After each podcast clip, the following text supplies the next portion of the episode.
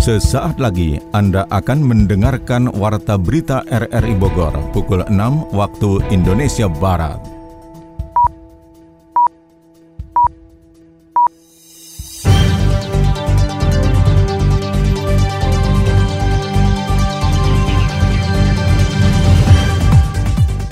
Selamat pagi, Saudara. Seperti biasa, Warta Berita Akhir Pekan RRI Bogor kami isi dengan rangkuman berita sepekan, Minggu 14 Maret 2021. Siaran ini juga dapat Anda dengarkan melalui audio streaming RRI Play dan juga bisa Anda dengarkan kembali melalui podcast kami di Spotify, Anchor, Podtail, dan Google Podcast. Rangkuman berita sepekan RRI Bogor ini juga turut disiarkan Radio Tegar Beriman Kabupaten Bogor. Bersama saya Mukhlis Abdillah, inilah rangkuman berita sepekan selengkapnya. Saudara, rangkuman berita sepekan kita mulai dari kasus pembunuhan seorang wanita muda yang jasadnya dimasukkan dalam kantong plastik.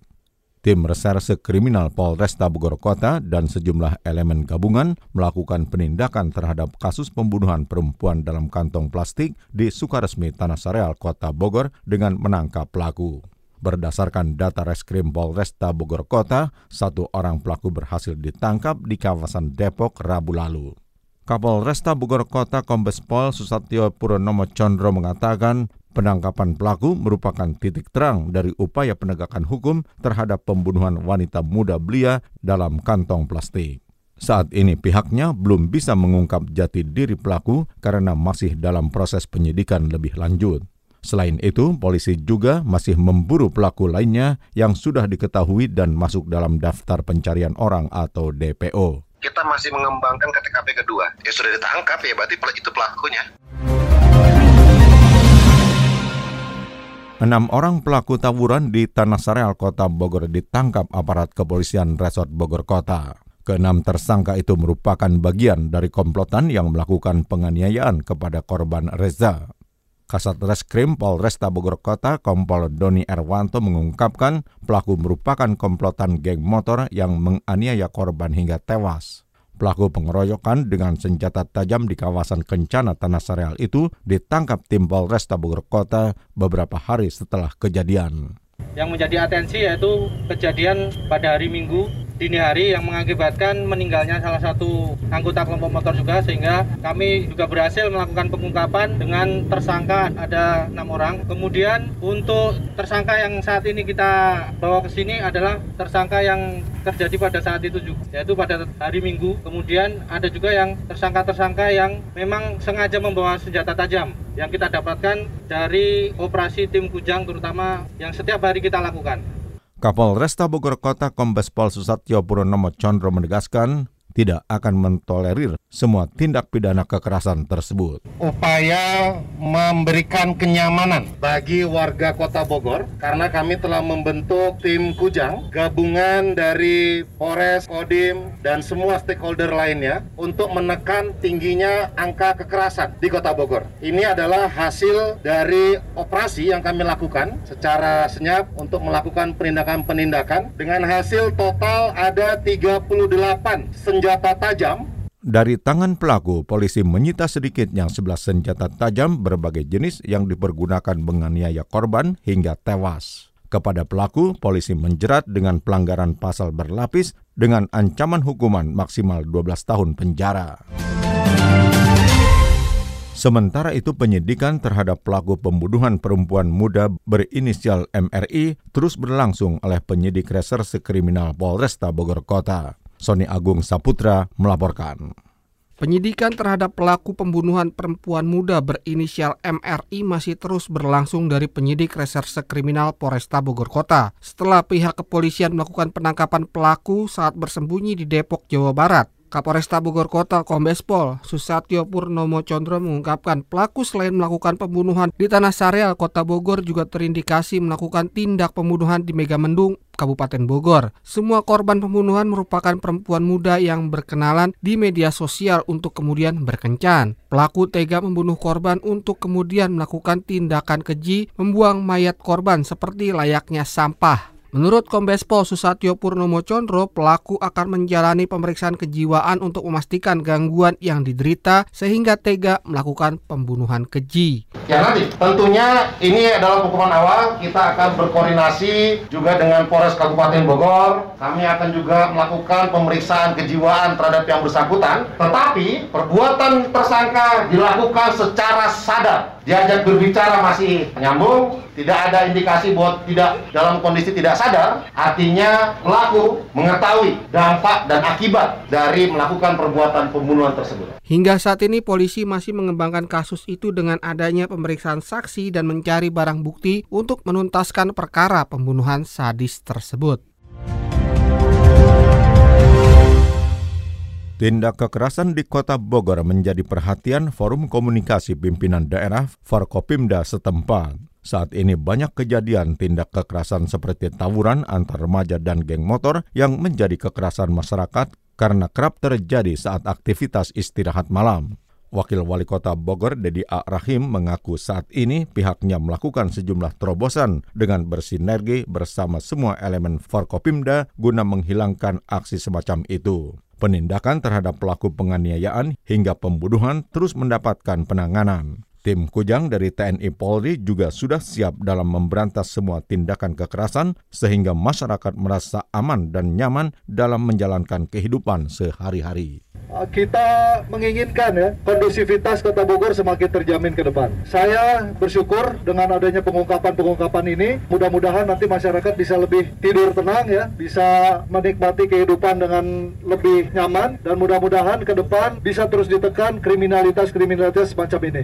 Menurut Dedi, saat ini pemerintah tidak bisa bertindak sendiri tanpa peran serta masyarakat dalam memberantas kenakalan remaja. Orang tua harus memberikan pengawasan lebih seksama agar anaknya tidak menjadi korban atau pelaku tawuran ada hal-hal yang perlu kita perhatikan, terutama kepada orang tua ya, untuk juga melihat serta memperhatikan apa yang dilakukan oleh anak-anak mereka di lingkungan sekitar. Karena sebagian selama masa pandemi mungkin ada hal-hal yang tidak termonitor, sehingga saya menghimbau kepada masyarakat, khususnya para orang tua juga untuk turut membantu memonitor anak-anaknya, sehingga tidak terjadi seperti yang disampaikan oleh Pak Kapolres. Ada janjian ya, ada satu modus pertemuan di media sosial, kemudian akhirnya terjadi tawuran di lapangan. Razia dan operasi skala besar dengan melibatkan pasukan TNI Polri dilaksanakan untuk mengantisipasi kekerasan, seperti membubarkan kelompok masyarakat atau remaja yang terindikasi akan melakukan tawuran atau tindak kriminal jalanan.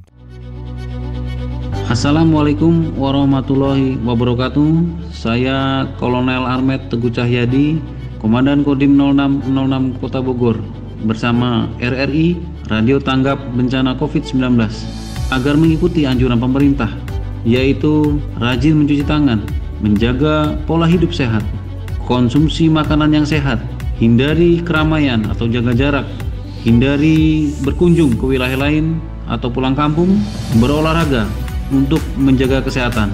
Mari kita berdoa kepada Tuhan Yang Maha Esa agar kita dapat menanggulangi COVID-19 ini sehingga kita dapat beraktivitas seperti sedia kala.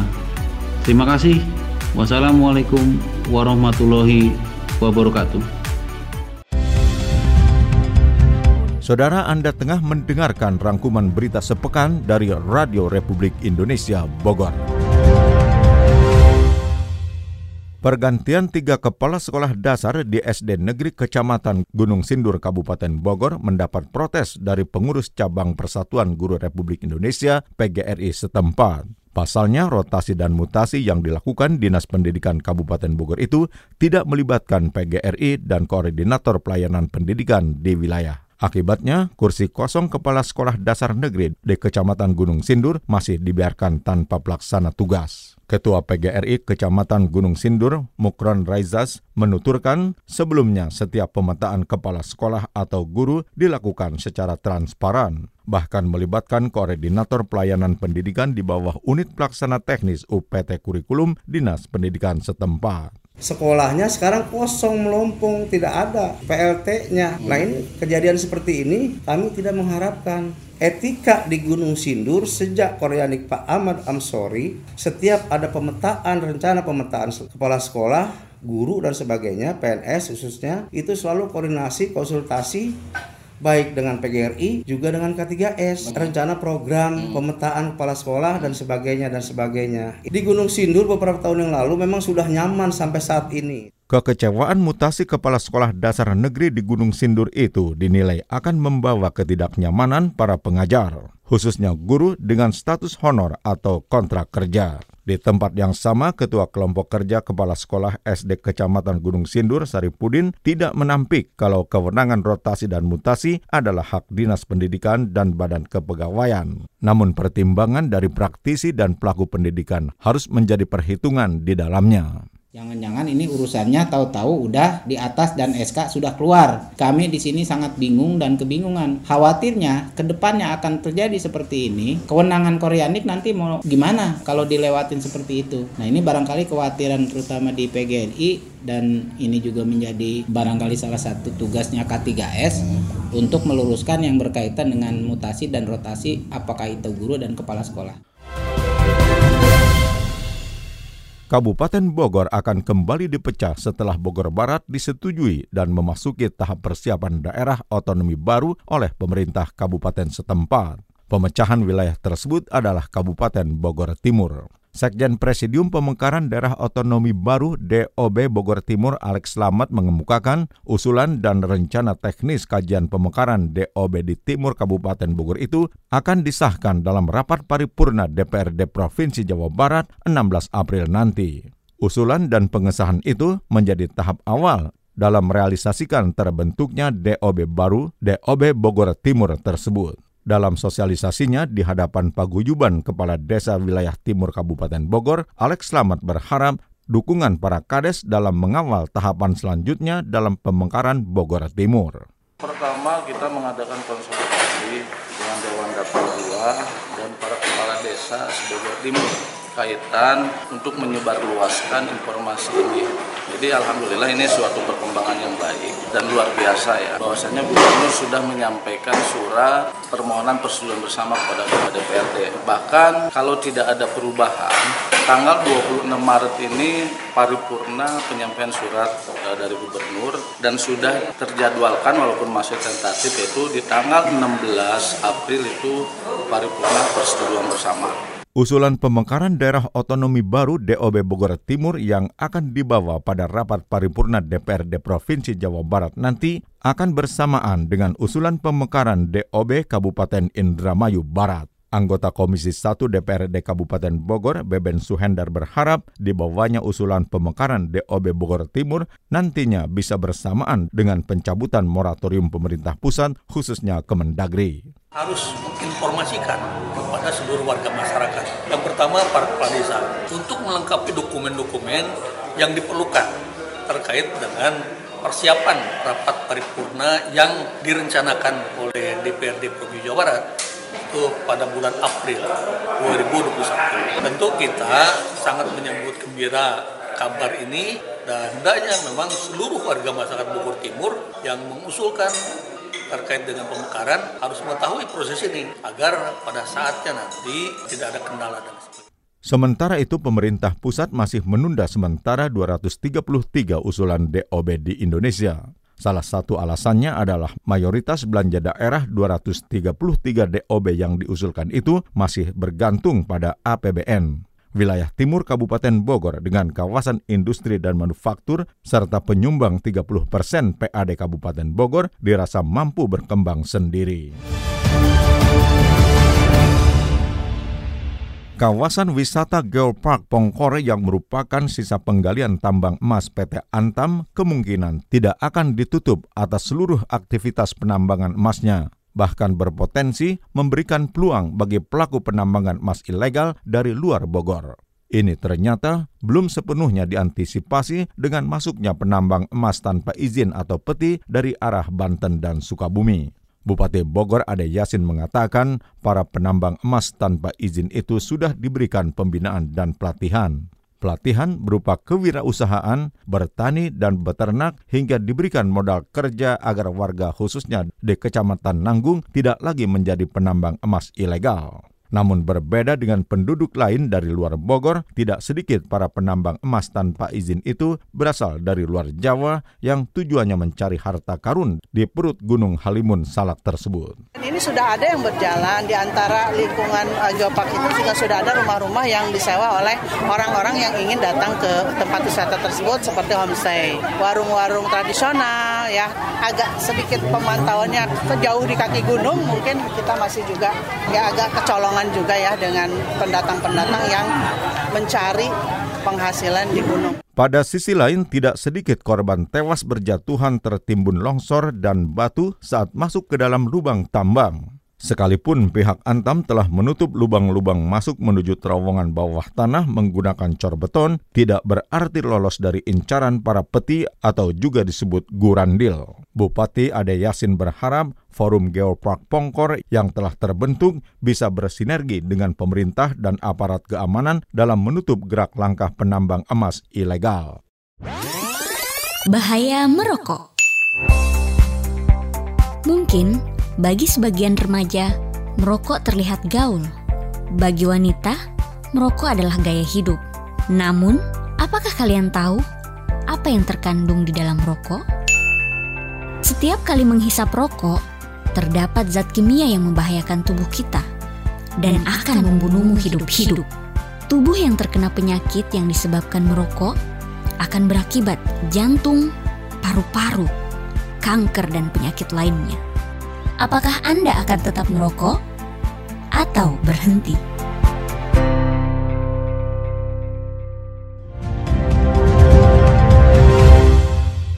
Pemerintah Kota Bogor mengoptimalkan dana pinjaman program pemulihan ekonomi nasional PEN untuk membangun infrastruktur penunjang ekonomi daerah. Program PEN tersebut dimanfaatkan untuk membangun sejumlah infrastruktur penunjang ekonomi daerah. Sekretaris Daerah atau Sekda Kota Bogor Syarifah Sofiah menyebutkan bantuan PEN dari Provinsi Jawa Barat salah satunya digunakan untuk membangun alun-alun Kota Bogor. Ini bisa menjadi pusat kegiatan ekonomi yang berefek terhadap pembukaan lapangan kerja serta menghidupkan geliat ekonomi masyarakat. Adalah dari pemerintah provinsi. Pemerintah provinsi itu kita dapat pen bantuan adalah untuk memperbaiki alun-alun. Bukan hanya lihat alun-alunnya nggak pengaruh untuk perbaikan ekonomi. Eh, Dengan munculnya aktivitas kegiatan, maka banyak orang yang bekerja. Gitu ya. Untuk proyeknya sendiri, berapa orang yang bekerja di proyek itu? Itu akan membuka lapangan pekerjaan. Terus kemudian kalau misalnya sudah jadi alun-alun, karena tidak hanya alun-alun di sekelilingnya itu pun juga akan tumbuh sektor-sektor untuk pertumbuhan ekonomi. Selain infrastruktur, Pemkot Bogor kata Sekda juga fokus pada pemulihan ekonomi di sektor pariwisata yang menjadi andalan kota hujan. Sejumlah bantuan juga telah berjalan yang dialokasikan langsung pemerintah pusat kepada insan pariwisata. Kemudian juga yang dari pusatnya masih dalam program PEN kan yang itu untuk bantuan wisata. Itu kan sudah selesai ya untuk pariwisata karena pariwisata kan juga mengenerate ekonomi. Pemkot Bogor mendapatkan bantuan 15 miliar dari pembiayaan pinjaman program PEN tahun ini untuk membangun alun-alun kota di eks kawasan Taman Topi. Pemkot berharap secara bertahap penggunaan dana PEN dapat berefek pada perekonomian masyarakat sehingga ekonomi kota Bogor segera pulih. Prajurit Korem 061 Surya Kancana Bogor terus bergerak dalam menyalurkan bantuan kepada masyarakat terdampak pandemi COVID-19. Saat ini banyak rakyat mengalami kesulitan ekonomi seiring pandemi COVID-19 dengan adanya pembatasan-pembatasan sosial untuk memutus mata rantai penyebaran virus corona. Dan Rem 061 Surya Kancana Brigjen TNI Ahmad Fauzi menegaskan seluruh aparatur kewilayahan mulai tingkat kota kabupaten hingga desa terus bersinergi melakukan penanganan dampak COVID-19. Korem 61 Surya Kencana dalam hal ini, terutama Kodim-Kodim, itu membantu Forkominda, terutama Bupati, Wali Kota, dalam rangka pendampingan termasuk penyalurannya. Bentuk bantuan setiap Kodim atau setiap kabupaten itu beda-beda, disesuaikan dengan kebijakan. Bantuan itu ada yang bentuk tunai uang yang akan diterima mereka, dan yang kedua bantuan sembako.